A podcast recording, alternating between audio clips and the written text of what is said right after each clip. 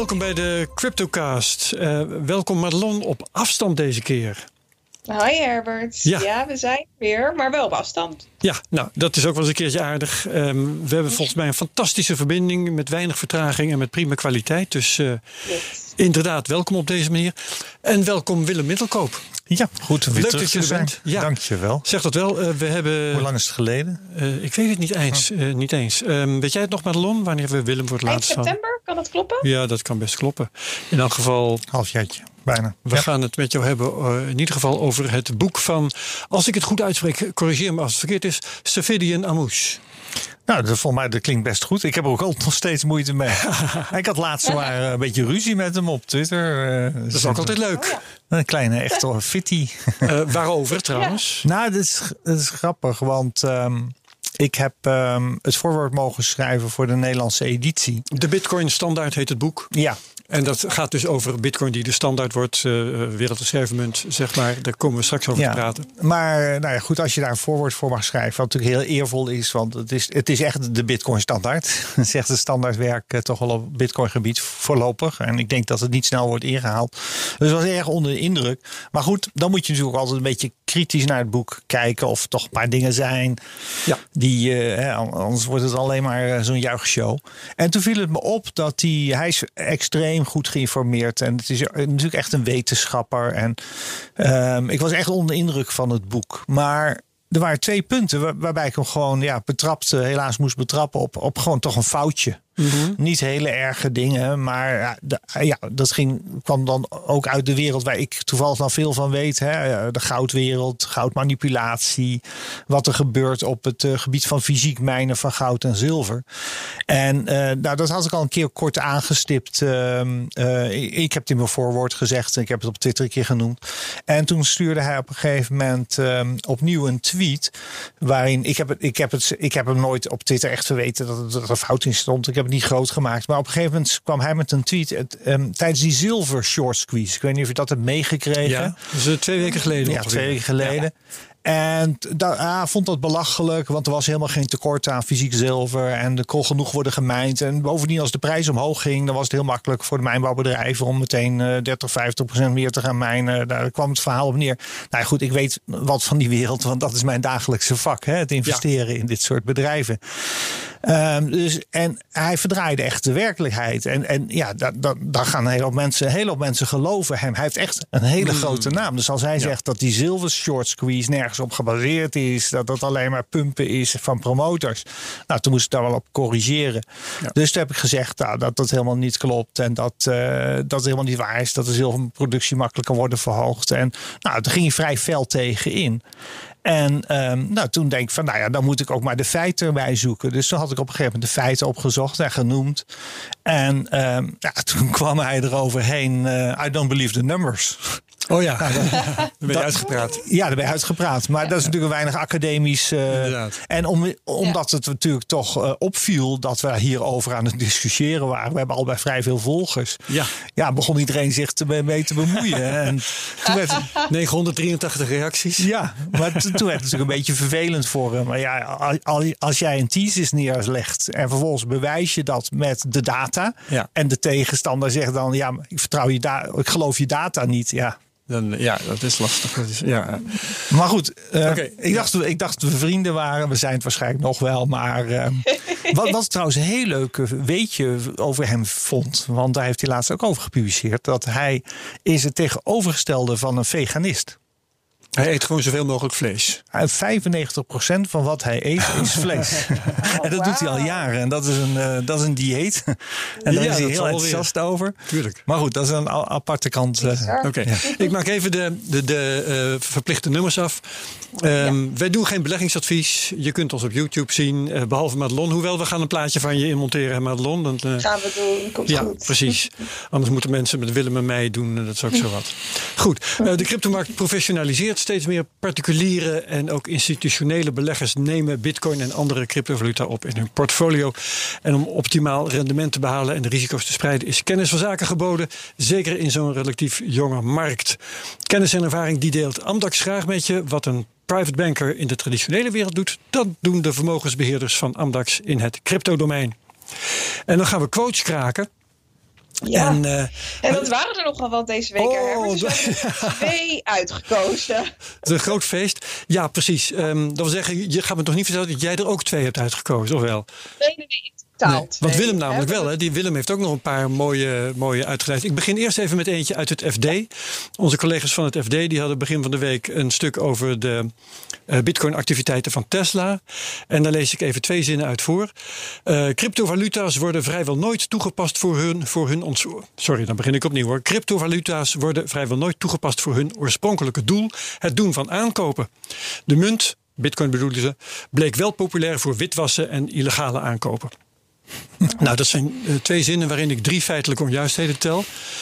Um, namelijk, uh, volgens mij worden de meeste cryptovaluta's wel degelijk toegepast voor hun oorspronkelijke doel. Bitcoin is in dat opzicht een uitzondering. Um, maar ja, het doel van aankopen, eh, dat is, dat, is een, een, een, wat heel, wel heel slordige formulering. Het doen van betalingen was ooit het doel van Bitcoin. En aankoop is daar dan wel een heel speciaal geval uh, van. Uh, dus dat en uh, ja, dat Bitcoin populair was voor witwassen, populair is voor witwassen. Dat is feitelijk onjuist. Minister Hoekstra heeft volop de kans gekregen om dat aan te tonen in de Tweede Kamer en de Eerste Kamer. En dat heeft hij niet gekund. Maar mevrouw Jellen zei het gisteren ook weer. Jellen zegt het ook de hele tijd. Ja, ja. Het is een napraten van autoriteiten. Hè? En daar zijn natuurlijk de mainstream media uh, natuurlijk uh, ja, experts in. Die praten. Ja. maar dat snap ik ook altijd wel. Er is altijd heel veel kritiek op media. En ik ben zelf heel lang als journalist gewerkt. En, nou goed, jij ook. Hoef ik jou niet uit te leggen. Maar kijk, een journalist, een medium heeft altijd een bron nodig. Een bron die je kan vertrouwen. En ik kom straks bij een bron die je dan niet kan vertrouwen. Maar kijk, uh, oud, uh, uh, journalisten zijn opgeleid dat één bron is geen bron. En je hebt al twee bronnen nodig. Behalve als het om autoriteiten gaat. Ja. Als het Pentagon zegt, of de Federal Reserve, een centrale bank, die zegt iets. Dan mag je eigenlijk als journalisten ervan uitgaan. Zo ben je eigenlijk opgeleid. Dat dat dan klopt. Ja, in ieder geval dat het quotable is. He, want, ja. Zelfs als, als Trump iets zegt, is het nieuws. Want het is de president. Nu niet meer dan. Maar er is iets heel interessants gebeurd. Want hè, journalisten zeggen altijd: één bron is geen bron. Hè. Je hebt al twee bronnen nodig. Maar check het maar na. Elke dag staat de krant vol en de media staan vol van berichten die van officiële zijde komen. En die gaan er wel, wel nog tussen aanhalingstekens, maar die worden niet gecheckt. Dus en nu hebben we een rare situatie. En dit is echt een stokpaardje van me. En ik ben blij dat ik hier een keer. Uh, we hebben toch de tijd dat mag bereiden. Ja. en um, kijk, we hebben inmiddels na de Tweede Wereldoorlog nu zo'n jaar of zeventig ervaring met de vrije pers in het vrije Westen. En hoe autoriteiten daarmee omgaan en hoe de pers met die autoriteiten omgaan. En we hebben nu zo vaak geleerd dat autoriteiten ons vooral op gevoelige onderwerpen, en Bitcoin is er zo een, ons niet helemaal eerlijk vertellen ja, hoe het zit. de autoriteiten hebben een agenda en kijk maar naar alles wat er is gebeurd rondom de Irak-oorlog en alle oorlogen. er wordt altijd enorm veel gespind. We weten dat, alle journalisten weten dat. We weten dat we continu voor de gek zijn gehouden de afgelopen tientallen jaren. En wat doen journalisten? Elke keer als er een statement komt van het Pentagon of weet ik veel wat, het ministerie van Defensie, klakkeloos overnemen. Hoe kan het nou als je weet dat je tientallen jaren al bedrogen bent? Ja. En, en je mag het dan vervolgens zeggen dan de autoriteiten zeggen dit, die vinden dat. Maar het is erg onaan. Je moet er dan wel iets. Je moet het dan wel duiden. Je moet het wel kleur geven. En dat gebeurt continu niet. En daarom, journalisten nemen het klakkeloos over. En daardoor is er nu een hele generatie opgegroeid van millennials. En ook van wat oudere mensen die zeggen: ja, ik vertrouw gewoon de media niet meer. Punt. En dat is ook weer heel gevaarlijk. Want, ja, dat ben ik met je. Maar goed, tot ja. zover mijn okay, het stokpaard. stokpaardje. ja, dat is goed. Um, ja, om nog even terug te komen op, uh, op de precieze cijfers. Uh, er is onlangs een onderzoek verschenen waaruit bleek, dat was van Chainalysis, een groot blockchain-analysebedrijf, ja. waaruit bleek dat Bitcoin helemaal niet geschikt is voor criminelen. Hè, en dat zelfs 0,3 procent van de activiteiten rondom cryptovaluta iets te maken zouden kunnen hebben met crimineel gedrag. Dus slechts 0,3 procent. En dat is uh, ontzettend laag. En dat is ontkracht nadat de uitspraak van uh, Janet Yellen uh, naar buiten kwam. Dus, dus het is veel te ingewikkeld joh, voor een gemiddelde crimineel. en traceerbaar. Ja. ja. Behoorlijk traceerbaar. Ja, het is helemaal niet anoniem. Mensen moeten dat eens begrijpen. Ja. Goed, klaar daarmee. Uh, wat had jij voor uh, kraakbare quotes, Willem? Ja, nou vanochtend werd ik uh, door een ook wel een bekende Bitcoin-analyst ja, volgen. Ik zal de naam niet noemen, maar ik, die stuurde mij een WhatsAppje met een groot nieuwsbericht. Want ik heb met hem heel lang een discussie gehad over de vraag of centrale banken nou wel of niet in Bitcoin zullen gaan. Oh ja. Ook een hele bekende vraag. Ja. En ik heb altijd gezegd van nou, je kan het over een fringe, uh, een soort Noord-Korea of zo verwachten. Maar geloof me, een centrale bank die gewoon mee wil doen in het internationale normale klimaat, die gaat echt geen bitcoins kopen op de open markt. Want daarmee halen ze hun eigen plan A onderuit. Want uh, bitcoin is gewoon plan B. Hè? Ja, dat is gewoon, steken hoofd in de strop. Ja, en um, hij stuurde me een nieuwsbericht door uh, van een, um, een, een, een, een, site uit uh, Afrika. En die meldde dat de Stralenbank van Kenia bitcoin had gekocht. En dat zag als de oplossing voor alle problemen. Nou, ik kon het eigenlijk niet geloven. Maar goed, ik vertrouwde hem, dus stopte dat op Twitter. Maar ging het wel meteen checken. Ja. Ik denk, het kan eigenlijk niet. En er kwam meteen een reactie, fake nieuws en zo. Ik meteen dat ding verwijderd. Maar ik, ik, ik zie net, uh, of ik hoor net van iemand dat Max Keizer er ook nu ook al over bezig is. Maar jongens, het schijnt dus echt fake nieuws te zijn. Ik heb nog geen goede bron, bevestiging kunnen vinden dat de centrale bank van Kenia actief gaat worden met Bitcoin. Maar ik vind het wel een heel Goed mooi zo. onderwerp om nog eens uh, rustig over verder te praten. Of centrale banken ja, want... dit überhaupt zouden doen. Ja. ja. Marlon, wat vind jij, Marlon? Wat, wat, zou dat, nou, wat zou dat betekenen, Willem? Mocht dat het geval ja, zijn? Ik weet dat we hier in, in een eerdere cryptocast over gehad hebben. En toen hadden we het over China. En jij zei nee, centrale nee. banken gaan dat nooit nee. doen. Ik denk dat dat al wel anderhalf jaar geleden is. Het is een oorlogsverklaring. Het, het is een Precies. oorlogsverklaring. Je blaast het ja. systeem op. Want als dat zo is, ja. dan is dat het signaal aan alles en iedereen. Ons eigen fiat geld deugt niet. Ja, maar maar iedereen die nog twijfelt of hij in bitcoin moet, die krijgt dan dus eigenlijk het koopadvies. Die gaat. Ja, de, wereld. Ja, dat, dat, ik, ik kan het me niet voorstellen. Maar goed. We hebben inmiddels zoveel rare dingen gezien. Hè? ja. Tesla nu ook. Negatieve rentes. Uh, nee, maar, maar ook, ook dat hebben we de vorige keer besproken. Hè? Mm. Van MicroStrategy. Het hebben gezegd. Natuurlijk ja. kan je één of twee bedrijven hebben die heel veel cash hebben. die dat gaan doen. Maar ga niet verwachten dat Ford en General Motors Bitcoin aan gaan houden. Het is te veel het alternatieve circuit. En wat, wat Tesla heeft gedaan is natuurlijk heel interessant uh, nu. Hè, door wel uh, anderhalf miljard in bitcoin te steken. Maar goed, Elon Musk weten we, die, die, die, die kan gekke dingen doen. Ja. Maar ik blijf erbij. Je kan niet verwachten dat dit massaal gevolgd gaat worden door treasuries ja. in het bedrijfsleven. Je kan Michael Saylor had um, 1400 belangstellenden op zijn seminar uh, online. Ja, maar als ik ga zeggen, jongens, ik heb dit gedaan, ik heb er een miljard in gestoken, willen jullie mijn verhaal horen? Dan zijn een hele hoop mensen die je verhaal willen horen. Okay. Dat is iets anders. En ik heb het de vorige keer ook gezegd: het is niet. Zo werken bedrijven niet. Hè. Bedrijven hebben niet een enorme pot met geld die ze beheren als een beleggingsfonds. Uh, MicroStrategy, dat is een uitzondering. Hm. Hè. De meeste bedrijven die keren toch gewoon geld, overtollig geld uit als, uh, als, als ja, dividend. Apple niet bijvoorbeeld. Microsoft nee, dat, zijn, dat zijn uitzonderingen. Dat ja. zijn toch echt uitzonderingen. En nou ja, de dag dat Apple in Bitcoin gaat of Microsoft in Bitcoin gaat, zijn we echt een hele stap volgende stap verder dan wat we nu hebben zien gebeuren. En, ja. en nogmaals, ik kan het me niet voorstellen, want er zitten veel te veel verweven in het bestaande, het ondersteunen van het bestaande stelsel. Ja. Je, hebt, mm -hmm. je hebt echt een probleem met toezichthouders als je dat doet. We weten van Elon Musk dat hij die grenzen steeds opzoekt. Dat heeft hij met zijn tweets ook gedaan. Hij doet dingen die andere CEO's, waar andere CEO's niet mee weg zouden kunnen komen. Ja, je zou kunnen zeggen, uh, hij baant de weg. Maar dat denk jij niet. Nee, maar misschien ben ik, ben ik toch te conservatief. En ik ja. laat me graag verrassen, want ik heb uh, inmiddels ook een significante uh, Bitcoin-positie. Dus je was kan ook, niet zeggen. Ja, was ook wel eens niet zo in het verleden. Nee, ik ben, ik ben, ja, ik ben, Kijk, je hebt natuurlijk altijd de bias. Hè? Als je er zelf niet in zit, dan zeg je ook: nee, dat gaat niks worden en dat kan niks worden. En nee, ik zie het graag, ik zie het graag gebeuren. Dat alle bedrijven en alle centrale banken in Bitcoin precies. gaan. Maar nogmaals. Um, ja, ik blijf zeggen, je snapt niet goed hoe het financiële systeem werkt, hoe de machten er lopen, hoe de krachten er zijn, hoe er wordt gecommuniceerd binnen partijen. Um, en Bitcoin is echt een stap te ver voor een hele hoop. Ja, ja oké. Okay. Um, Madelon, had jij eigenlijk nog kraakbare quotes? Ja, ik had een uh, bericht uit de Volkskrant waar een, oh ja, uh, een van onze kijkers op ons uh, attendeerde. Die heb ik ook dat bij de hand, was een column van Peter de Waard. En dat ging onder andere over Elon Musk. Hè, de, de aankoop die Elon Musk heeft gedaan. 1,5 miljard aan bitcoin.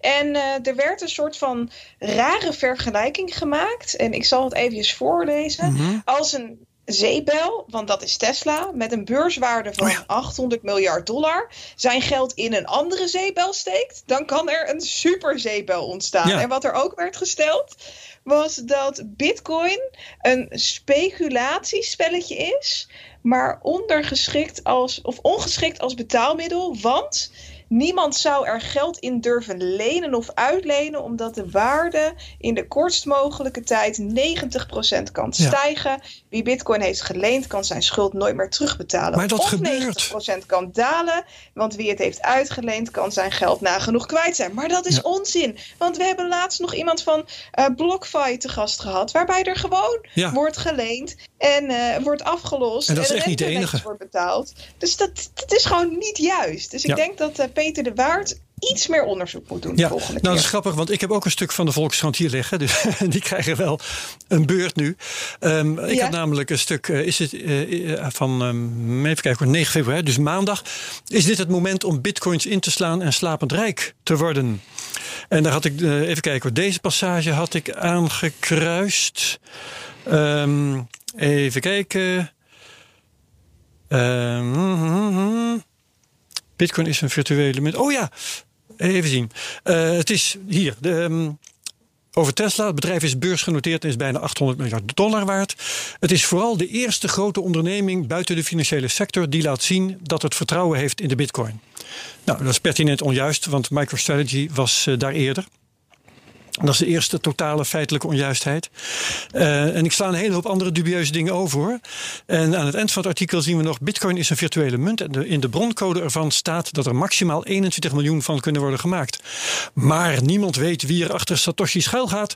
En of de schepper niet stiekem iets heeft ingebouwd om meer bitcoins te creëren. Ja, dat kan natuurlijk niet. Het is open source, dus eh, die, Ja. die, die code is honderdduizend keer nagekeken. Nog daar gelaten. Dat, eh, het zou totaal niet in zijn belang. Satoshi, is bekend, die, eh, als hij nog leeft, dan heeft hij de beschikking over een miljoen bitcoins. En daar en meer van creëren niet is. alleen kunnen doen. Maar weet je wat dit bewijst, jongens? Laten we even een niveau Ik hoger weet gaan. om mijn zin af te maken, daar meer van maken, eh, dat is totaal niet in zijn belang.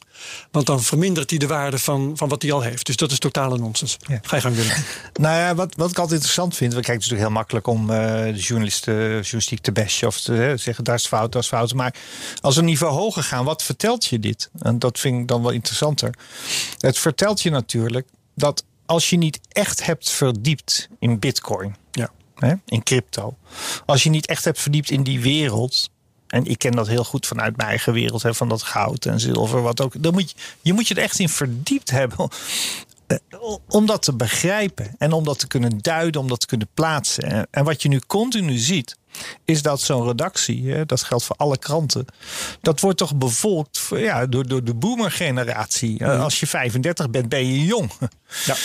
En, en, ja, en, en nou goed, wij zijn wat ouder, wij begrijpen het wel. Maar je weet wat ik bedoel. Eh, Grosso modo, als je je niet echt in hebt verdiept, Ja. dan, dan, dan, dan sla je de plank altijd mis. Dus je moet, je moet niet aan een journalist vragen. Je hebt echt een gespecialiseerde techjournalist nodig. Je hebt de Daniel Verlaans van deze wereld nodig, die dit begrijpen. Ja, ja. En, en wat je, Eh, zat, even wat een je kort, Sorry, nou als nog één ding. onderbreking. Ja? We zitten op een all-time high inmiddels Hey, weer. nou zeg, dat gaat hard.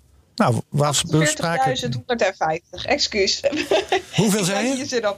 Hoeveel zei je, Madelon? 40.150 hebben we net aangeraakt. Oké, ik dacht dat we eigenlijk al hoger hadden gezeten. Of heb ik dat nou mis? Maar Nou, voor, voordat de uitzending begon, eh, kocht ik een future bij. Eh, Omdat we het hadden over dat we de neergaande lijn waren doorbroken. ja. En daar ben ik blij mee, want eh, dan kost deze, dit interview me in ieder geval geen geld. goed. Ik koop Nou. de debugged futures tegenwoordig. En dat, is, eh, dat, dat is wel leuk, want die worden nu bij Interactive Brokers. Hè. Dat zijn gewoon voor professionele futures die je kan verhandelen. Ja. En dan heb je één nadeel is, in het weekend zijn de beurzen dicht. Dus in het weekend kan je ze niet verhandelen. Ja. Nou, ik, ik weet nog dat eh Baakt een, een, ehm, kwestie was. Hè. Komt dat er of komt dat er niet? Ik geloof eind 2018 of zo. Dus nou, leuk om, dat iemand daar profijt van heeft. Ja. Um, eens even kijken. We hebben genoeg quotes gekraakt. Um, nog even zeggen dat luisteraars ons uh, dit soort berichten kunnen sturen. Die wij lekker kunnen bashen. Want dat is inderdaad leuk. dat doen we graag. Um, dat kan via Twitter. Een aantal mensen hebben ons bijvoorbeeld die Volkskrant quotes gestuurd. Dus ga daar lekker mee door. Mag ook uit andere kranten ja. natuurlijk. En dan gaan we nu uh, die prijs analyseren, Madelon. Want uh, dat all-time high, daar wil ik alles van weten. Ja, we hebben dus net een all-time high gezet op 48.558 ongeveer, 550 zoiets. Um, en we zijn dus daarna ietsje teruggezakt en staan nu weer op 47.460. Maar wat Willem net zei, dat klopt al. Hè? Ik zal anders eerst even teruggaan naar afgelopen week. Uh, vorige week gaven we al aan, hè, er was een mooi patroon in de maak. Daar waren we opwaarts uit uitgebroken. En eigenlijk was het best wel lastig om een goede inschatting te maken van wat die koers ging doen. Behalve dat we wisten dat we dat patroon in zicht hadden. Nou, we hebben een opwaartse uitbraak gezien van de grote cup en hendel die zich eigenlijk al had gevormd van 29 januari tot en met 6 eh, februari. En die uh, cup en hendel had een koersdoel van 44.800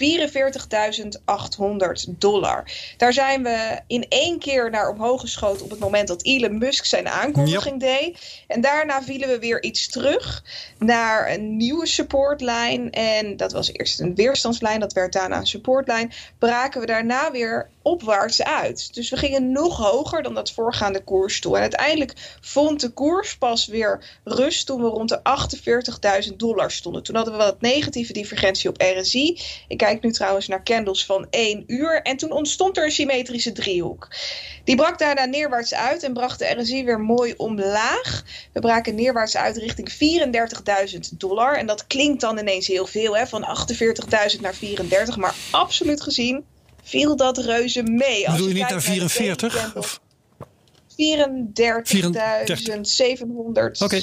750, zoiets ongeveer. Mhm. En absoluut gezien viel dat reuze mee, want het was een paar procent hoog uit. En het mooie was dat de oude weerstandslijnen die we eerst hadden gezien rond uh, 8 februari, dat dat toen weer de nieuwe steunlijn werd. Nou, en nu de afgelopen paar uren vormden we een mooie nieuwe cup en daar zijn we zojuist opwaarts uitgebroken.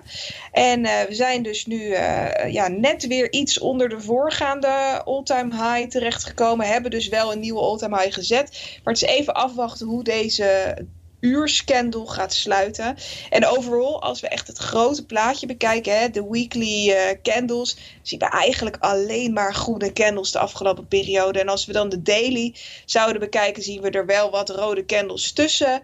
Maar over het algemeen nog best wel bullish. Uh, het ziet er gewoon heel erg goed uit voor Bitcoin. Er ligt mogelijk wat negatieve divergentie op de loer, maar dat zou ons slechts korte termijn uh, eventjes terug kunnen brengen. Maar voor nu uh, nog alleen maar positiviteit, Herbert. Oké, okay, prachtig. De grote um, vraag is natuurlijk, gaat 50.000 vallen? Ja. En dat, je hebt altijd heel interessante patronen natuurlijk rondom die, die, die ronde getallen, hè, die technisch niet ik van belang zijn. Vraag je, geloof je in psychologische grenzen? ja, ik heb er vanochtend toevallig nog uh, over na zitten denken.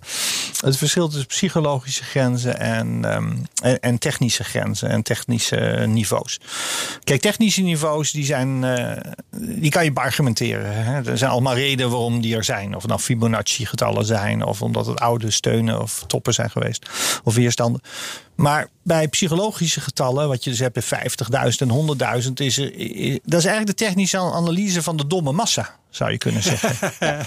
Want um, geef jij nou eens uh, bitcoin aan jouw uh, oom of aan je neef die er niks van weet, mm. en vraag aan hem van wanneer ga je ze verkopen? Dan zegt hij van nou, als het 50.000 waard is. Of als het 100.000 waard is. Die gaat niet een Fibonacci getal pakken. Die gaat niet een oude top pakken. Dus in een markt waarbij de domme beleggende massa, even onerbiedig gezegd, groot is. Gaat dat een rol spelen? Gaat dat een hele grote rol spelen. Maar dan gebeurt er nog iets interessanters. Want de professionele partijen die dat, die dat, die dat proces kennen, die zeggen dus: ik ga verkopen op 48.000, op 49.000, op 47.000. Je gaat er net onder liggen. Ja. En dat hebben we hier ook gezien. Dus die top, die lag er net onder. Dan krijg je die correctie en dan wordt het heel interessant. Want Ja. dan is dan, dan op een gegeven moment hebben de slimme mensen hebben geld winst genomen.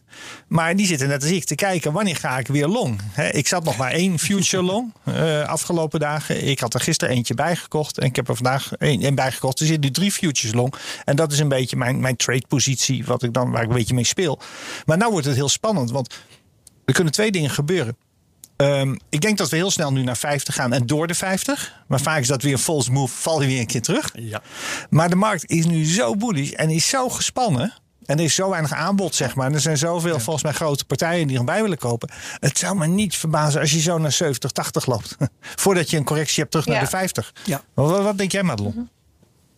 Nou, die stijging die kan heel snel plaatsvinden. Hè? Ook als je grafiek logaritmisch bekijkt, dan zie je dat dat stapje waar we nu, ons nu bevinden, hè, vlak bij de 50.000, dat die richting de 100.000, dat die stap minimaal is ten Ja. opzichte van hetgeen wat we al gezet hebben. Dus dat kan heel snel gaan. En wat opvallend is, is dat de volatiliteit in de markt vanuit mijn perspectief nog best wel meevalt. Hè? Doorgaans, als je zulke Ja. bewegingen eh, of zulke hoge koersen ziet, zie je ook forse koersschommelingen. Dus dan kun je denken aan 10, in sommige gevallen wel 20 procent, maar ook soms wel per dag. Hè? Dat het de ene Wat bij dag heel erg voorschommelt. Ja.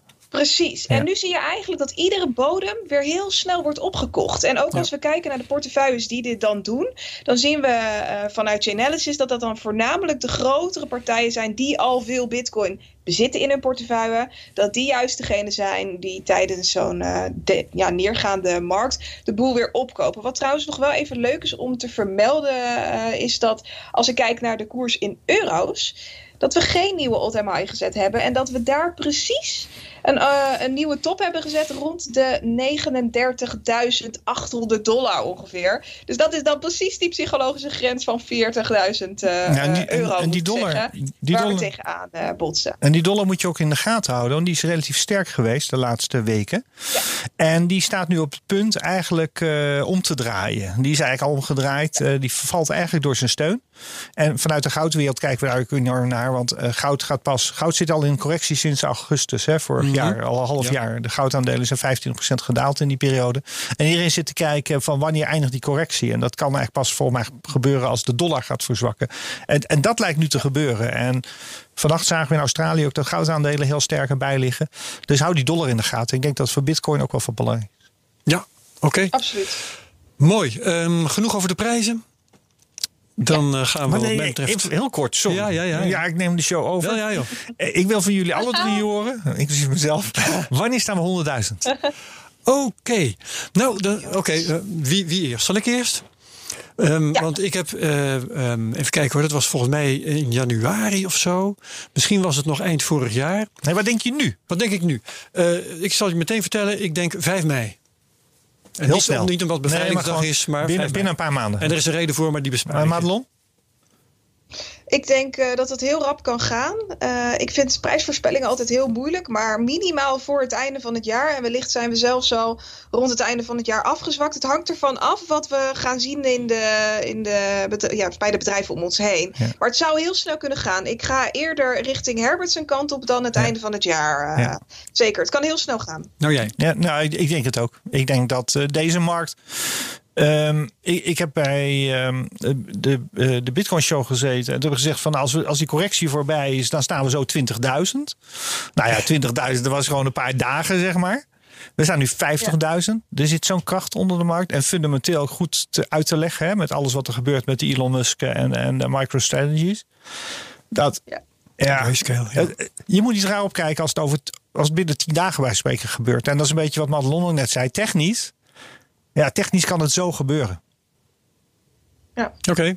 Nou, laat dat even inzinken. Ja, wat ik ook bijzonder vind hier, hieraan is dat als we een jaar terug in de tijd gaan, dat de koers van Bitcoin toen nog maar op 8000 dollar stond. Hè? Ja. Dus als je dat vergelijkt met waar we nu zijn, dan Ja. kan er zoveel Bizar. veranderen in een jaar. En zeker als de dollar uh, nog verder haar vertrouwen verliest.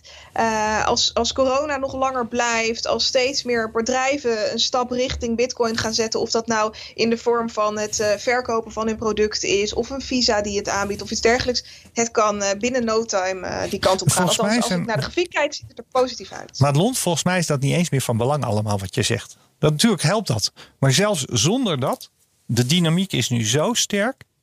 En als ik en we horen altijd dus Elon Musk en MicroStrategy. Maar als ik zie hoeveel mensen nu met serieus geld in deze markt bezig zijn en hoe klein die markt is en vooral hoe klein het aanbod is. En als je dat ziet hè, op de exchanges ook, hè, gewoon het aanbod van gewoon Bitcoin. Dat ja, ik denk nog steeds dat Bitcoin iedereen gaat blijven verbazen. Ik heb er wel eens over getweet. Hè. Het zou wel eens de eerste hyperinflationaire beweging kunnen zijn op westerse markten. Dus we hebben nergens hyperinflatie, maar in bitcoin wel. Dus we, we, we snappen er niets van als we 50.000 bereiken. We snappen er niets van als we 100.000 bereiken. Ja, wij wel, maar gewoon de brede mhm. massa. We snappen er niets van dat die straks een miljoen bereikt. En we snappen er helemaal niets van. Eh, maar ja, het kan. Oké. absoluut. Nou, um, dit is geen beleggingsadvies. Meteen nee, nee, nee. Achteraan. Alright. Uh, we, het, het, gaat lekker. We hebben een half uur erop zitten. En uh, we zijn nog maar voorbij ons eerste echte onderdeel. Maar dan maken we er gewoon een wat langere uh, CryptoCast van. we gaan eens even naar het nieuws kijken. Madelon, wat heb jij voor nieuws? Ja, ik had best wel wat nieuws, Herbert. Ik, ik ook, dus we gaan gewoon om en om. Even de grafieken uh, wegklikken. Ik zag uh, zojuist op Twitter breaking news um, over het feit dat uh, Twitter zelf aan het nadenken is om ook Bitcoin aan hun balance sheet toe te voegen. En General Motors die zou hier naar verluid ook interesse in hebben. Nu heb ik dat eventjes gefactcheckt en nu blijkt dat General Motors dat General Motors puur aan het kijken is naar het aanbieden van hun producten. En het dus kunnen verkopen uh, in bitcoin. Omdat Tesla dat natuurlijk maar ook dat is toch ook al heel heeft. wat? Ze kijken daar wel. Ja, nee, is zeker nee. heel wat. Het is een, het is een begin. Maar, uh, nee, maar dat... het, het, is wel anders dan het toevoegen aan je balance sheet. Willem vindt van niet. Ja, nee, dat zijn echt twee verschillende grootheden. Weet ik wel, weet ik wel. Maar dat een, een bedrijf als General Motors zegt wij gaan bitcoin accepteren. Daarvan zeg ik, dat vind ik ook al heel wat. Dat nou, vind ik namelijk. Daar ben ik totaal niet van onder indruk. okay, maar als ja. het op de balance sheet zeggen, dan mag je me wakker maken om drie uur s'nachts. Want that, that's a move. Goed, nou, nou, Madelon is dan nog ja. wakker. Dus nee, maar jongens, we zijn maar toch goed, de tijd voorbij dat we blij zijn dat je een pizza kan kopen met bitcoin. Da, dat is niet. niet nee. nee. Maar wat is het verschil tussen een auto kopen en een pizza kopen? Het is gewoon. Dat een General Motors wel een belangrijker bedrijf is. Want als zij bitcoin accepteren, ja, dan moet dat ook in hun administratie moet dat een plek hebben. Dus nee, maar het verandert. Het, het verandert. Het verandert toch het, de upside en de use case van, van Bitcoin verandert er niets aan. We weten al dat je ermee kan betalen. Zeker, alleen het gebeurt bijna toch, nooit. Toch Willem, afgelopen, afgelopen uh, anderhalf jaar, twee jaar hebben we gezien.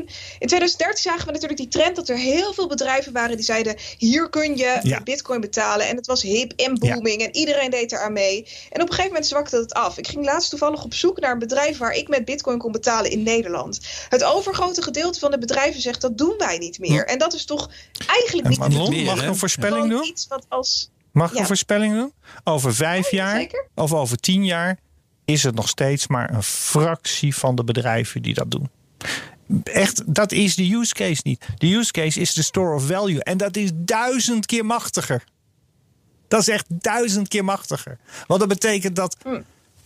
in een wereld waar 400.000 miljard rondklotst op zoek naar rendement. Ja. Dat er steeds meer van die 400.000 miljard naar bitcoin gaat stromen. En dat, dat, dat heeft systeemveranderende uh, gevolgen. Potentie, ja. En het feit dat je een Porsche of een Tesla met bitcoin kan kopen, dat verandert het systeem niet. Echt niet. Oké, okay. we, we, moeten verder. Sorry. Uh, nee, dat geeft niks. Dit soort, dit soort toevoegingen vind ik prima. Um, wat ik uh, als nieuws heb, er zijn, er zijn een aantal dingen. Uh, eerst maar even iets historisch. Um, ik weet niet meer of het gisteren of eergisteren was, maar gisteren of eergisteren was een belangrijke verjaardag voor Bitcoin. Uh, weet een, heeft een van jullie het gezien? Een tweet van Mikko Hipponen van F-Secure. Tien jaar geleden bereikte Bitcoin een belangrijke mijlpaal. Rings a bell? Nee? Bitcoin bereikte pariteit met de dollar. Was 1 dollar waard. Tien jaar geleden. Wow. was een verjaardag. Wow. Deze week. Zo snel. Dat, dat was nieuws van mijn kant. Eh, jouw volgende nieuwtje, Madelon.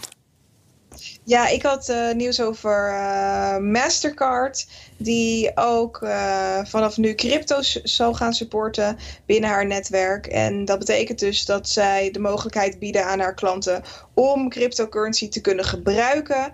Ehm, ze laten hierbij niet duidelijk blijken dat ze Bitcoin als betaalmiddel interessant vinden. Maar wat ze wel aangeven is dat ze hun klanten de mogelijkheid willen bieden om Bitcoin te bewaren en om eventueel Bitcoin uit te geven. Eigenlijk dezelfde move als die PayPal gemaakt heeft. Mastercard wil gewoon niet achterblijven. Dat is eigenlijk wat ik hier eh, uit opmaak. Ja, Willem? Ja, er is er nog één. Hè? Ik, eh, vlak voordat ik hier naartoe reed, eh, zag ik op Bloomberg binnenkomen dat eh, America's oldest bank, BNY Mellon, niet zo heel bekend zoals JP Morgan, maar wel een hele grote, gewoon een grote zakenbank, ehm, heeft gezegd dat ze Bitcoin, eh, dat ze crypto gaan toevoegen gewoon aan hun, eh, ja, eigenlijk aan hun systeem. Dus dat je digital assets net zo makkelijk kan aanhouden als eh, andere assets. En dat is opnieuw een bewijs van dat deze markt gereguleerd gaat worden.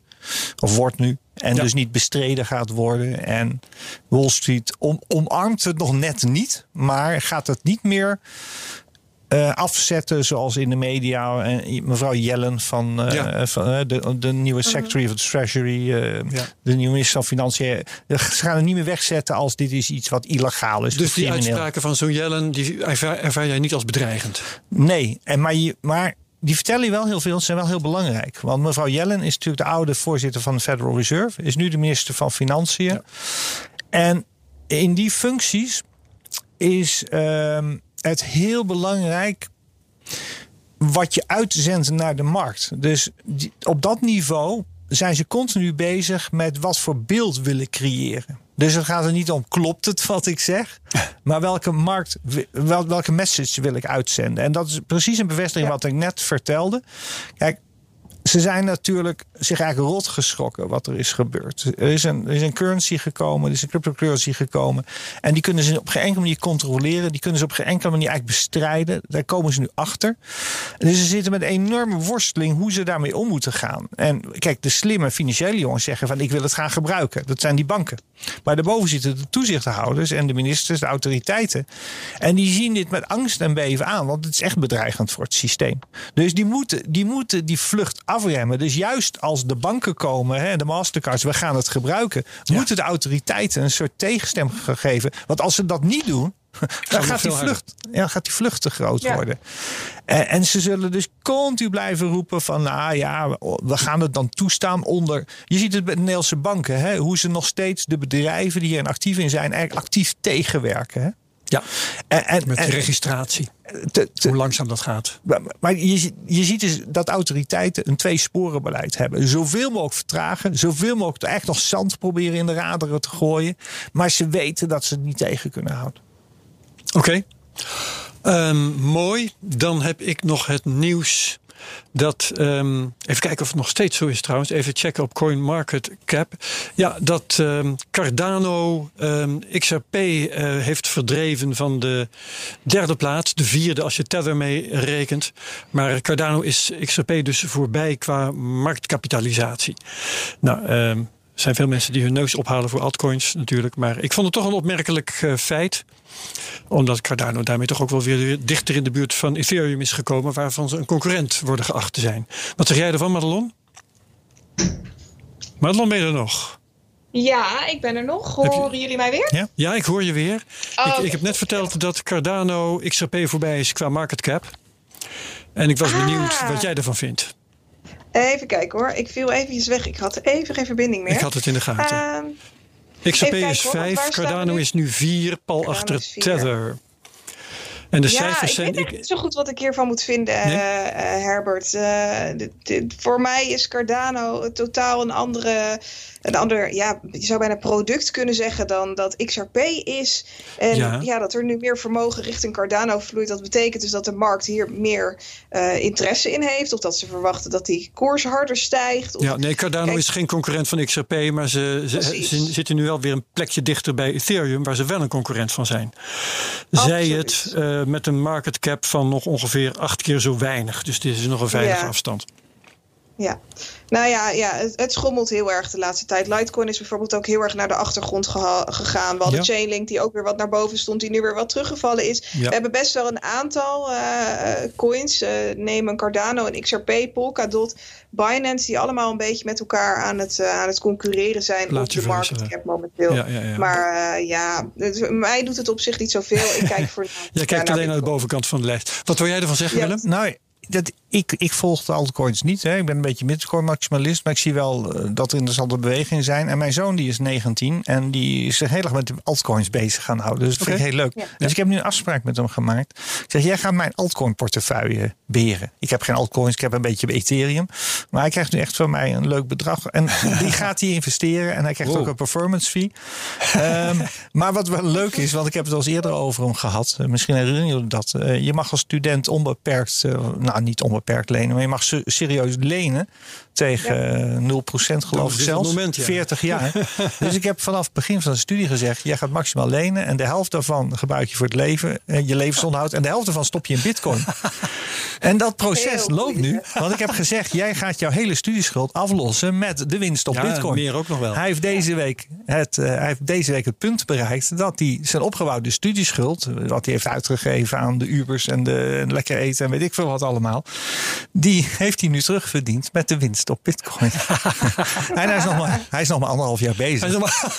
maar goed, we hebben nu dus gezegd, we gaan ook serieus in de alts. Maar uh, ja. nog weer een vraag aan jullie. Als ik dan een alt moet kiezen voor mijn alt portefeuille en het is geen Ethereum of Ripple, welke moet ik toevoegen? Madelon. Oh, en waarom? Uh, ja, dat, dat, durf ik eigenlijk niet te zeggen. Ik ben voornamelijk, uh, ik heb voornamelijk de focus op Bitcoin. Ja. Ik heb daarnaast een beetje Litecoin, een beetje Ethereum, een beetje Stellar. Uh, maar daar uh, houdt Geen het ook grote eigenlijk favoriet. wel bij nog, wat, nog wat. Nee, nee, Bitcoin is mijn grote Ja. favoriet. Ik zie ook, kijk, als we kijken naar altcoins, zijn er heel vaak uh, groepen of mensen die dan vragen: wat is de nieuwe Bitcoin? Of wat is de Ja. munt waar ik heel veel geld Wat mee is het nieuwe? En dan denk ik: waarom Ja, ja, heb ja, je ja. die nodig? Bitcoin. Oké. Dat, dat, dat is hoe ik er naar kijk. Ik had toevallig gisteravond een discussie met mijn broertje. Die is 21 geworden vandaag. En eh, Gefeliciteerd. die. eh, Dankjewel. En die, eh, die zei ook, Matt, dit is de reden waarom ik naar altcoins kijk. En toen stuurde die een foto. Ik scroll eventjes terug. Volgens mij was het van, eh, het was Engine Coin. Nou, Oh. die was van eh, 0,45 naar 0,60 gegaan in nou, een paar minuten Ja. tijd. En ja, die vindt dat hartstikke interessant. Dat is echt zijn, Ja. zijn, eh, zijn ding. En dat doet hij dan voornamelijk ook om te handelen, om te treden, om er geld mee Ja. te verdienen. En daarbij ligt dus de focus minder op de fundamentele aspecten, op hetgeen waarom het, de asset waar je in zit, dat, waar- wat dat zo mooi maakt. En Ja. dat vind ik bij, bij Bitcoin echt een totale andere tak van sport dan het handelen en het puur focussen op het verdienen van geld. Ook even de disclaimer, want dit is geen beleggersadvies. Nee. Het enige wat we doen met die alts is inderdaad... eh, ik vind het belangrijk dat hij goed leert treden. En dus je had zich goed mee bezig. Ja. We doen het niet omdat we denken dat iets van echte waarde in zit. Nee, maar het is puur de speculatie. Meedoen met de Ja. speculatie, meedoen met de gekte. Wat ik eigenlijk mensen niet aanraad. Maar goed, wat ik voor hem een goede manier vind om, om, om dit toch meer Ja. Te leren. Ja, nou dan moet ik Ja. jouw vraag nog beantwoorden. Ja. En als ik dat moet, en ook dat is geen beleggingsadvies, want ik doe het zelf niet. Maar als ik ehm, eh, een, een altcoin portefeuille zou moeten samenstellen, dan zou die eh, bestaan uit. mo- Mocht Ethereum erbij zitten eigenlijk? Was Nee, dat, eh, buiten Ethereum. Ja, ah, juist. Oké. Dan zou ik hem samenstellen uit eh, een handjevol concurrenten van Ethereum. Maar dat dan wel weer gespreid. Dus dan denk ik Wat is de top drie? Cardano, Polkadot, Chainlink.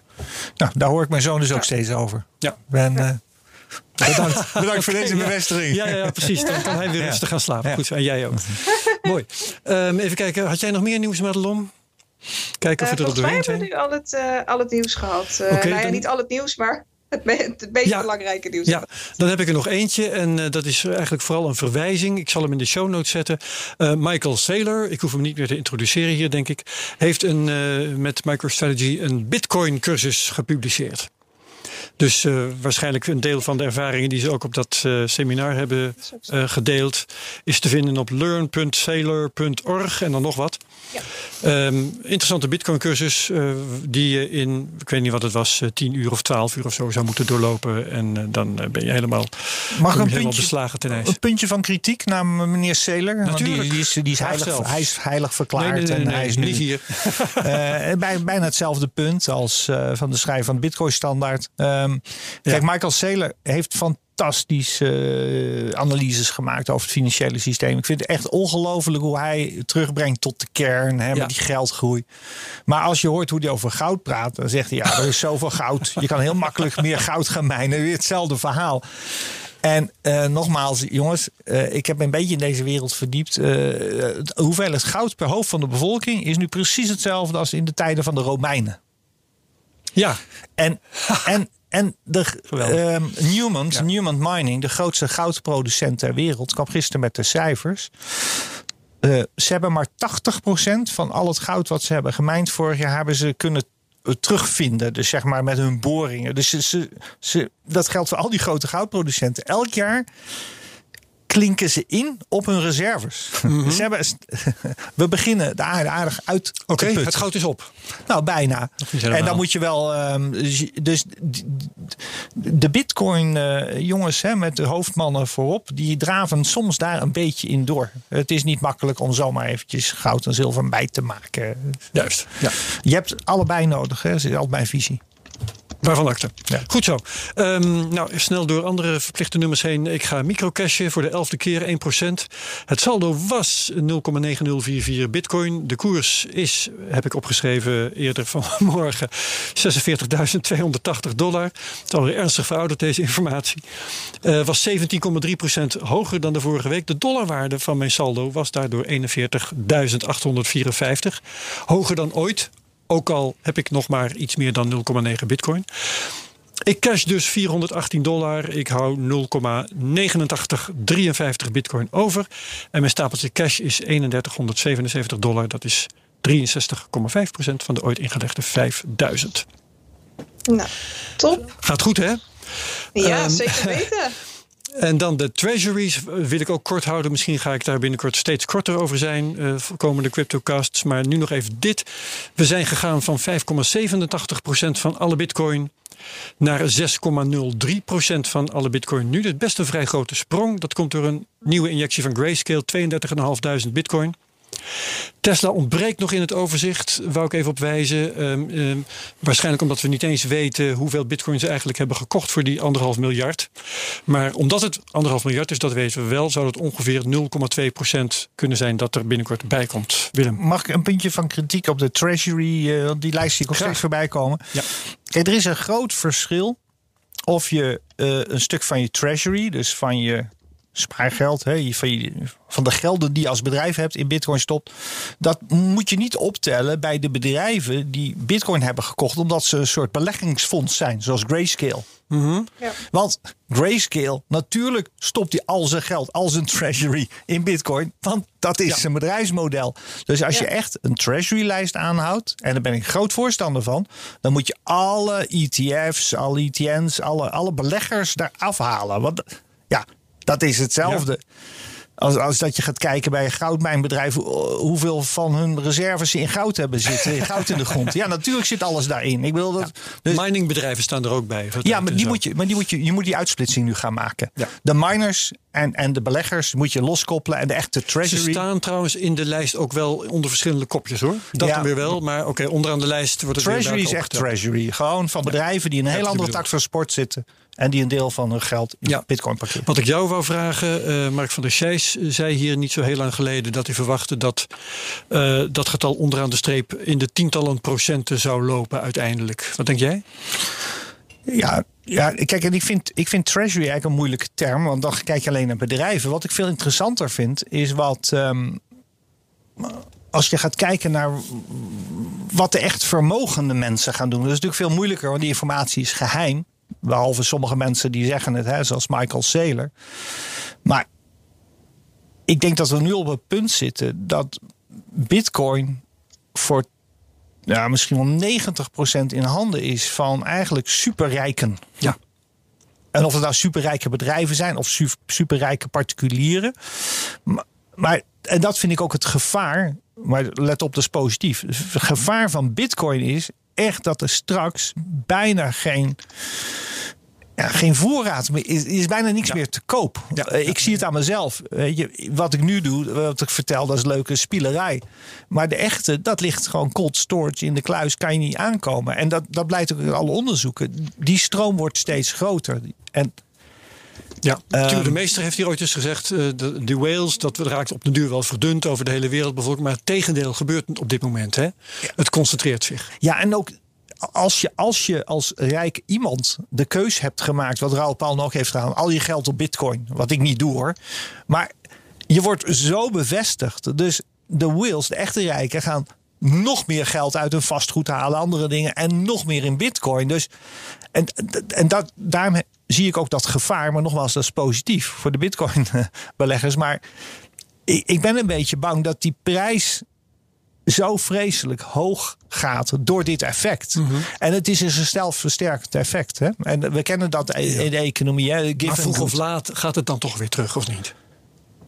maar de, als een, de given, given good, hè, dat is een bekende term, bekende term uit de economie. Hè. Dat betekent dat de vraag naar iets groter wordt als de prijs stijgt. Ja, ja, ja, omgekeerde wet van vraag en aanbod. Ja. ja. En, en, volgens mij is Bitcoin het perfecte given good. En uh, en juist omdat er 400.000 miljard rondklotsen in de wereld op zoek naar rendement, die het niet meer kunnen vinden. En we kunnen echt rare dingen meegemaakt. En dan wordt het wel heel eng hoor. Want dat is heel goed voor de mensen die het hebben. Hmm. Maar je komt in hyperinflationaire beweging. En dat is zeer, zeer instabiliserend voor het hele systeem. Maar waarom is dat eng dan, eh, Willem? Bedoel jij dan dat het eng is voor Bitcoin zelf of voor alles eromheen? En dat al het geld uit Precies. Uh, nou ja, het is, het is inderdaad een beetje wat in de Bitcoin-standaard ook wordt beschreven. En wat uh, Raoul ook zegt. Het kan de big black hole worden, hè, die, alles op, die alles opzuigt. En, en, en dan, kijk, daar sta je hier te juichen. Kijk eens, mijn bitcoin is een miljoen waard, of weet ik veel, 10 miljoen. Maar als onder, ondertussen de, de waarde uh, als de waarde van de rest alleen maar aan het dalen is, als de rest, de massa arm wordt en geld gaat zijn koopkracht verliezen, omdat het allemaal te, toevlucht naar het digitale goud, het echte goud, dan, dan is het systeem staat te shaken. En daar moeten we echt voor uitkijken. En wat nog een interessante uh, opmerking was van Tuur de Meester, een tweet vanochtend. Die verdiept zich ook heel erg in de oude hyperinflatie, wat er in de jaren 20 is gebeurd in Weimar. Weet je wat een kenmerk is van het begin van hyperinflatie dat, dat, dat de hele massa, de hele bevolking begint te speculeren. Er is zoveel oh geld. Ja, ja, ja, en wat we nu al zien bij crypto. En um, de cannabis-aandelen gingen gisteren 30 tot 50 procent omhoog. We begint in onze wereld ook te zien. Hè? We hadden vorig jaar zes van de acht maanden dubbelcijferige maandrendement. Allemaal heel leuk als belegger. Maar het zijn, het zijn alarmsignalen. Er is iets monetair fout als dat gaat gebeuren. En daar moeten we heel erg op letten. Ja, ja oké, daar gaan we heel erg op letten. Um, we gaan het over dat boek hebben. Jij uh, wees daar al uh, naar vooruit. De Bitcoin standaard, Cypherian heb ik het maar gemaakt, uh, Amoes. Um, Jij noemt het in het voorwoord het boek dat je eigenlijk zelf had willen schrijven. Ja. Waarom? Nou, weet je, soms, soms zie je dingen in de wereld. Hè, of als het uit je eigen vakgebied is, waar je gewoon jaloers op bent, denk je van fuck. ik had gewoon even door moeten gaan met denken. voor geweest? Nee, nee, niet voor geweest. Want mijn eerste boek kwam uit in 2007, 2008. Ja, En toen was Bitcoin nog niet. Maar goed, ik ben daarna natuurlijk door gaan denken over het financiële systeem. Maar ik schrijf ook letterlijk in het boek. Hij is doorgegaan met denken waar ik stopte met denken. En dat is, dat is echt de kracht van dit boek. Dat, ik heb best wel wat mentale flexibiliteit. Ik kan best wel outside the box denken. Maar hoe hij dat heeft gedaan door crypto assets te vergelijken. Want eigenlijk, als je de opbouw van het boek ziet. En daar was het ook zo frustrerend voor mij. Opbouw van zijn boek en mijn boek of nou de big reset is, of als de dollar valt, is eigenlijk hetzelfde. Je begint met wat is geld? Wat is de Ja. historie van geld? Wat zijn ja. de functies van geld? Want eerst keek in de Bitcoin standaard, er was teleurgesteld, want zes van de acht of van de negen hoofdstukken, of nou, het zijn er meer. Had je zelf al geschreven. Nee, maar, nee, maar die gaan helemaal niet over de Bitcoin. Oh nee, precies. Die gaan ja, niet over Bitcoin. Dus dan denk je, ik heb een boek over Bitcoin in handen, maar het gaat eigenlijk over het financiële Maar het systeem. de achtergrond die je nodig hebt. Tuurlijk. Ja. En dat is de waarde ook van dat boek. Maar ik vind het geniaal hoe hij, hè, hoe hij die tijdswaarde beschrijft. En hij gaat echt door waar anderen zijn gestopt. En dat maakt het echt zo'n belangrijk boek. En dat komt ook, want ik heb ook over na zitten denken... Hoe, hoe komt het nou dat hij dat boek heeft geschreven en niet jij of ik? Hij was natuurlijk precies de eerste generatie die eigenlijk opgroeide. Hij is net oud genoeg om dit allemaal in de historie te kunnen plaatsen. En hij is is hij, weet je dat? ja, hij is nu 38, 35, Oké. 36. Ja, ja. En maar hij is jong genoeg om op te zijn gegroeid met crypto. Dus zijn hele opleiding, zijn hele academische carrière heeft crypto een rol gespeeld. En het voordeel Ja. is als je jong bent. niet dan heb je, nee, en je hebt een zee van tijd om dat te onderzoeken. Dat ook, ja, ja, ja. Ik had het altijd druk, weet je. Je hebt gewoon een werk. Nee, maar dat zie je. De, de doorbraken Bitcoin komen heb vaak nou geen tijd voor. de doorbraak komen vaak van jonge mensen die, die in hun hoofd alle ruimte hebben, maar ook in hun leven alle ruimte hebben om er helemaal uit te gaan denken. Ja, Ehm, hij, hij gelooft, want eh, het, het, het eindigt eh, met, met de Bitcoin standaard. Hè? Ehm, alles wat ertussen zit komen we misschien ook nog aan toe. Maar ik vind het wel interessant om, om eh, eh, daar meteen naar te gaan kijken. Eh, de Bitcoin die de dollar opvolgt. Hè? Die, Ja, daar geloof de ik dus niet in. wereldreserve. Nou, dat wou ik van je Ja. weten. Ehm, Ja. Waarom geloof jij daar niet in? En eh, vind je dat hij toch een of ander, een of ander punt heeft?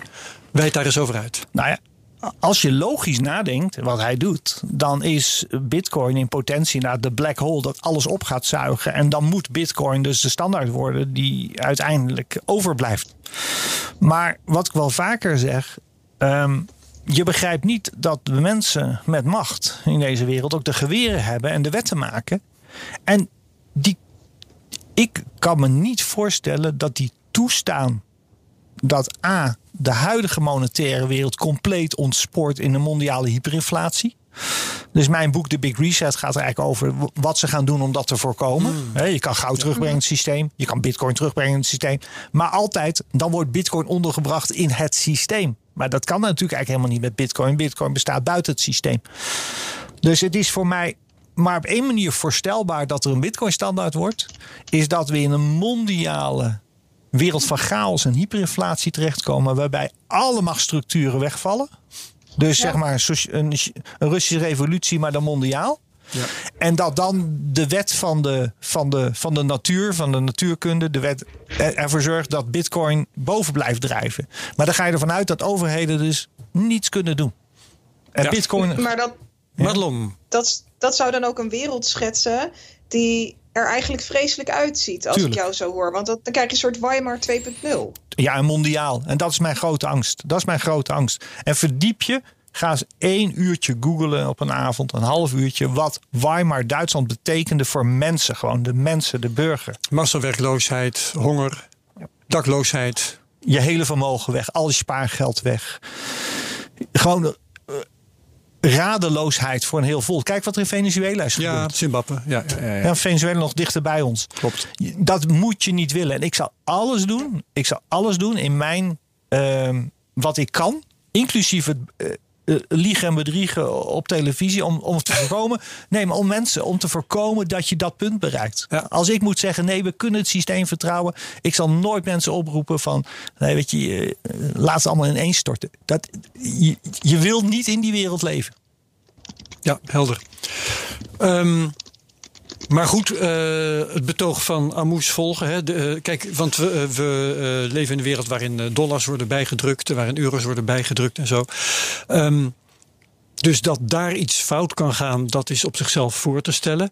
Maar waarom zou dan de bitcoin worden in de optiek van Amoes en niet bijvoorbeeld de Chinese munt? Nee, omdat, kan toch ook? Nee, omdat, ja, omdat, nee, de Chinese munt is, is net als de dollar of de euro ongedekt onderdeel van het systeem wat niet deugt. Wat per definitie niet deugt. Hè? Je creëert geld uit het niet. Wordt daar net zo hard eh, eh, bijgedrukt als in de Ja. westerse wereld dan? Ja, zeker als je kijkt wat er na 2008 is gebeurd, is de, de geldgroei is daar eigenlijk nog veel groter geweest. Alleen de laatste twaalf maanden niet. Oké, dat, uh, dat wist ik niet. Ja. Oké, dus dat is uh, op zich uh, makkelijk. Um, ja, maar ik, waar ik nog even benieuwd naar ben. Ja. Willem, waarom denk jij dat Bitcoin het niet zou worden? Dus dat hyperbitcoinization niet op zou gaan? Je schetst net dat scenario dat je daar alles voor zou doen om dat niet te laten plaatsvinden. Maar hoe weet je dan met een zekere mate van zekerheid dat we toch niet die kant op gaan. Nou, nee, we, we lopen heel hard die kant op. En daarom zeg ik ook, dat, daarom zeg ik ook dat die bitcoin. Ja, ik denk dat die gaat gewoon die miljoen bereiken. Die gaat door. Alleen. Ja. Ik ben, ik ben toch een beetje expert in hoe centrale banken werken en hoe ze denken. Ik zit bij de Omviv in Londen, zit ik echt met die jongens letterlijk aan tafel. Dat is niet om, om uh, arrogant te doen, maar ik heb de Big, de Big Reset kunnen schrijven omdat ik, omdat ik eindelijk dacht te kunnen begrijpen hoe, hoe centrale bankiers op kunnen treden om een systeem te redden vanuit de monetaire crisis. En vergeet niet, wij denken als bitcoiners dat wij het systeem begrijpen. En de bitcoiners begrijpen het systeem ook veel beter dan de gemiddelde burger op straat. Of dan de gemiddelde journalist. Mhm. Maar degene die het systeem echt begrijpen zijn de centrale bankiers, want die hebben het gemaakt. ja. Dus denk nou niet, en dat zie ik heel veel bij bitcoiners. Ook als ze bitcoin niet begrijpen, want dat... Ja. Nee, Ga verder, sorry. Maar denk nou niet, heb nou niet de arrogantie om als millennium bitcoiner te denken dat jij slimmer bent dan de centrale bank. Dat gaat echt niet gebeuren. En bovendien, ik zeg het al, die centrale banken die, hebben, die maken de wetten hè, samen met de, de, politici. En die hebben de geweren. Dus als het moet, doen ze er alles aan om dit systeem overeind te houden. En dat moet ook, want anders wordt het diepe ellende. Dus be careful what you wish for. En waarom het mhm. niet gaat gebeuren, Madelon, omdat terwijl ik denk dat die uh, Bitcoin steeds meer waard gaat worden, dat gaat gebeuren nog steeds in de. In, in, in de marge van het, van het huidige financiële systeem. En het gaat steeds meer oprukken naar de kern van het financiële systeem. Maar als het te dichtbij gaat komen, als het een te groot deel gaat worden van de economie, let maar op wat centrale bankiers gaan doen. Dan worden er hele, hele harde, hele scherpe grenzen getrokken over wat je met je bitcoin wel en niet mag doen. En is er in jouw optiek dan uh, een evenwicht mogelijk tussen bitcoin aan de ene kant en het huidige systeem aan de andere kant? Of kan het alleen maar eindigen met de ondergang van de een of de ander? Nou, het grappige is, ik zit in precies diezelfde spagaat natuurlijk al twintig jaar als goudbelegger. Waarom zitten wij in goud? Omdat bitcoin nog niet bestond toen wij erin gingen. Mhm. Omdat wij ervan overtuigd waren dat dit systeem eindig is. Dus je moet je nu, je moet nu al voorsorteren op dat dat fiat systeem gaat knallen. Ja. Daarna kwamen de bitcoiners daar ook achter. En die hebben eigenlijk die hele, die hele, uh, die hele ontwikkeling overgenomen. Die zijn nu eigenlijk de leidende stem in die ontwikkeling. Um, en omdat wij als goudbeleggers onszelf op die manier beschermen tegen het huidige systeem, merken wij dat we al 20 jaar lang, van 30 jaar lang, van 40 jaar lang in een soort gescheiden wereld leven. Waarbij ze eigenlijk naast elkaar bestaan. Ja.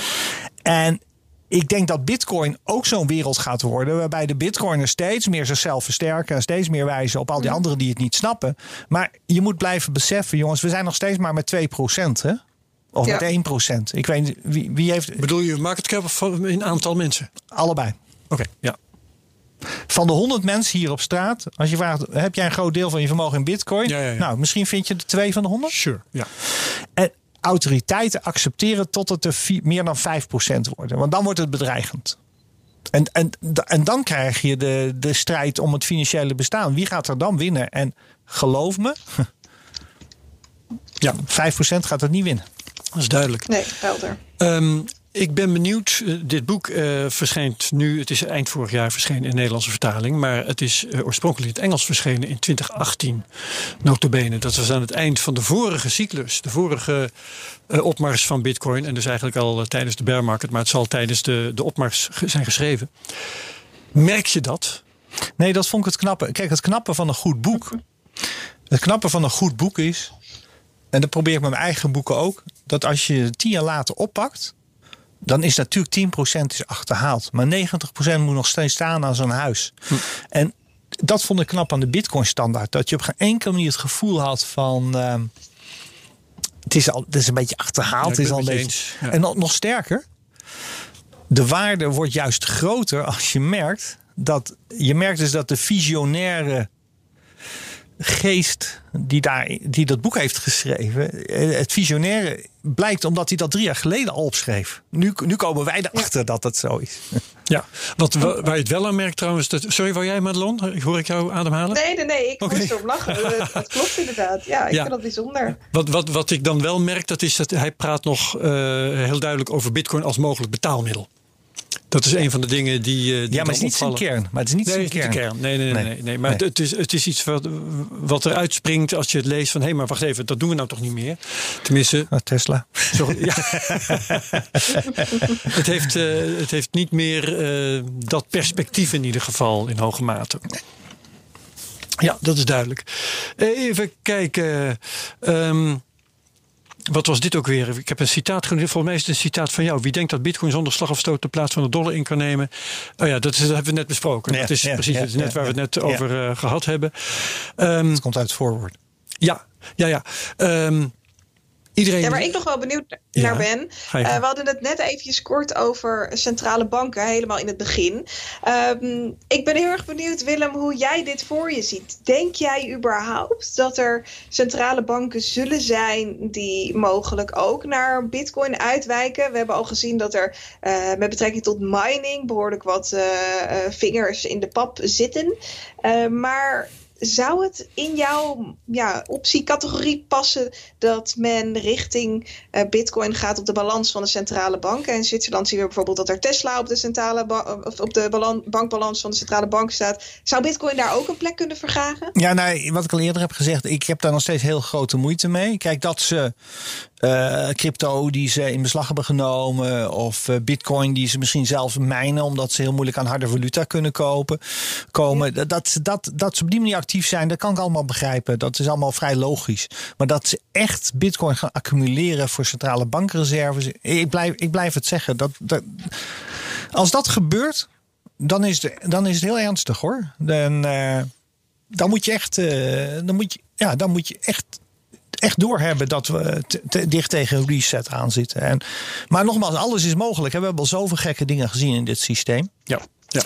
Hey, Wat is eigenlijk het belangrijkste, Willem, dat jij uit dit, uit dit boek um, meegekregen hebt? Hè? Als, als je dit, dit boek doorleest, dan krijg je zo'n uh, hap aan informatie. Niet alleen over Bitcoin, maar eigenlijk over alles wat er uh, monetair zich afspeelt. Hè? Je gaat echt down the rabbit hole, zoals de Bitcoiners dat dan noemen. Wat is de kern van het verhaal, of het allerbelangrijkste waarvan je vindt dat luisteraars, kijkers dit mee moeten nemen? Nou, dat heb ik ook, uh, daar sluit ik ook mijn voorwoord eigenlijk mee af.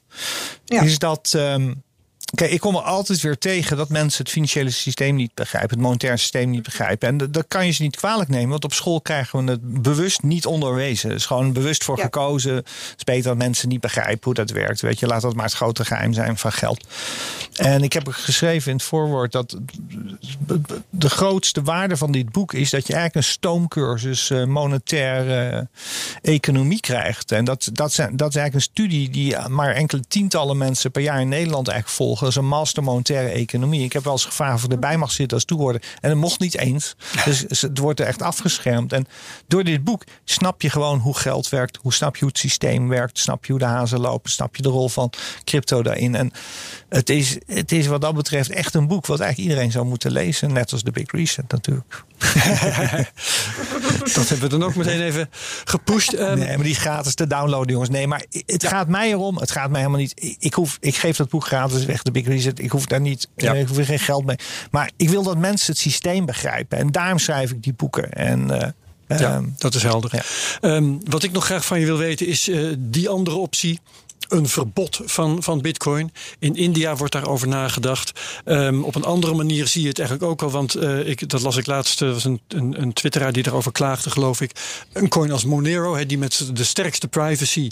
Dus ook, de grootste, uh, die ook het grootste gevaar inhoudt. Um, die kun je eigenlijk op geen enkele exchange meer uh, inwisselen. Dus nou, die is Ripple. Zo als waardeloos. Ja, dus um, beschouw jij een verbod op bitcoin als, als een optie? Nee, want je kan het echt niet verbieden. Maar Maakt het uit dat, dat, dat zoveel bedrijven nu hun geld erin steken? Ja, maar nou, Heeft ik, dat een, ik heb het antwoord dat eigenlijk al gegeven. Kijk, zolang, zolang het succes in de marge plaatsvindt, is het geaccepteerd en Ja. zitten autoriteiten op het twee-sporen-beleid. Met het scherp reguleren, want dat is ook mooi. Door te reguleren accepteer je het. Want ze moeten we al accepteren. Want je kan een bitcoin niet. Je kan undo een bitcoin. Hè, hij is er nou eenmaal. Maar regulering geeft je de mogelijkheid om straks de kraan heel erg dicht te draaien. Om te zeggen. Nee, maar er is nu een nieuwe regel. Er is nu een nieuwe. Dus we sta, jullie staan onder controle. We kunnen al meekijken in jullie boeken. Maar het geeft je dus de mogelijkheid, als het uit de hand loopt, om ze. Ja, dan kan je zeggen, jongens, aan te draaien. we zetten een toezichthouder. In onze wereld, als je het niet goed doet, zet de AFM gewoon een onafhankelijke AFM toezichthouder, een bestuurder, gewoon bij jou aan tafel. Die gaat het bedrijf runnen. En dat gaan ze dan doen met die crypto exchanges. En die gaat dan zeggen: nee, jongens, maximaal mag er vandaag maar 100 miljoen door dit eh, buisje gaan in plaats van 100 miljard. En op die Ja. manier gaan ze het proberen te controleren. Oké. Wat is, echt verbieden kan je jou niet. het, wat is volgens jou dan wel het grootste risico voor, voor Bitcoin? Eh, of een, bijvoorbeeld een reden dat Bitcoin geen succes zou kunnen worden? Nee, ja, dat, zou, dat wilde ik net al zeggen. Ik kan me niet meer een situatie voorstellen dat een bitcoin eh 100 dollar waard is. En welk negatief scenario je ook verzint. Dat gaat niet meer Dat gebeuren. zou ik zeggen in de kranten, bitcoin gaat niet naar nul. Nee, nee, inderdaad. En, Over de maar wat, gesproken. wat er wel kan gebeuren. Er kunnen een aantal dingen gebeuren. Dus toch nog steeds dat in G20-verband het als te bedreigend wordt gezien. En dat ze dus de, de, de, het omzetten van crypto in fiat, dat ze dat gewoon onmogelijk maken. Nou ja, dat, heb je al. Ja. Dus dan blijft het gewoon een digital asset. Je hebt een digital assets, maar je kan er geen geld van maken. Nou, dan kan je dat ding enorm laten crashen. Ehm, en wat ik waar ik nog steeds mijn hart voor, eh, voor vast te houden, maar dat is meer op korte termijn, wat er met Tether gebeurt. Want dat is gewoon de grootste scam op aarde op crypto-gebied. En we hebben het bij Ripple ook gezien. Hè, jongens, er is mij altijd verteld: nee, centrale banken gaan Ripple gebruiken, want ze worden uitgenodigd voor elke conferentie. En wie wordt er dan aangeklaagd? Gewoon de hele top van Ripple. Dus Ja. je kan worden uitgenodigd om op een centraal bankenconferentie te je een mes vertellen. in je rug. Ja. Oké, eh, we moeten het hierbij laten, denk ik. Ehm, Willem moet ook gewoon er vandoor. Ja. Eh, ik wil je heel hartelijk danken voor, eh, voor eh, dit gesprek. Het was weer gezellig. Voor je woord, ja, was het zeker. Voor je woorden over ehm, de Bitcoin-standaard van Saifidian Amous. Is dus te koop in Nederland sinds november. Ehm, zet de CryptoCast van volgende week alvast in je agenda. Want dan spreken we niemand minder dan Wim Boonstra. Hij is econoom, hij is verbonden Ja. aan de Rabobank. En hij is Bitcoin-scepticus. Het wordt een heel ander soort Ja, gesprek, dat wordt denk ik. een heel interessant. hè? Ja, dat kan, kan heel leuk worden. Eh, als je deze aflevering leuk vond, deel hem dan op Twitter met de mention at CryptoCast.nl. Laat reviews achter op Apple Podcast en natuurlijk op YouTube. Like, subscribe en comment. Madelon, jij daar ginds in de verte, hartelijk dank. Jij er bedankt, toch nog bij kon zijn. Hartstikke goed zo. Zeker weten. Zeker weten, dus dat is voor herhaling vatbaar. Ehm, iedereen bedankt ook voor het luisteren en tot de volgende week, tot de volgende CryptoCast. Dag allemaal. Dag. Deze podcast wordt mede mogelijk gemaakt door Amdax. Het handelshuis voor de serieuze cryptobelegger.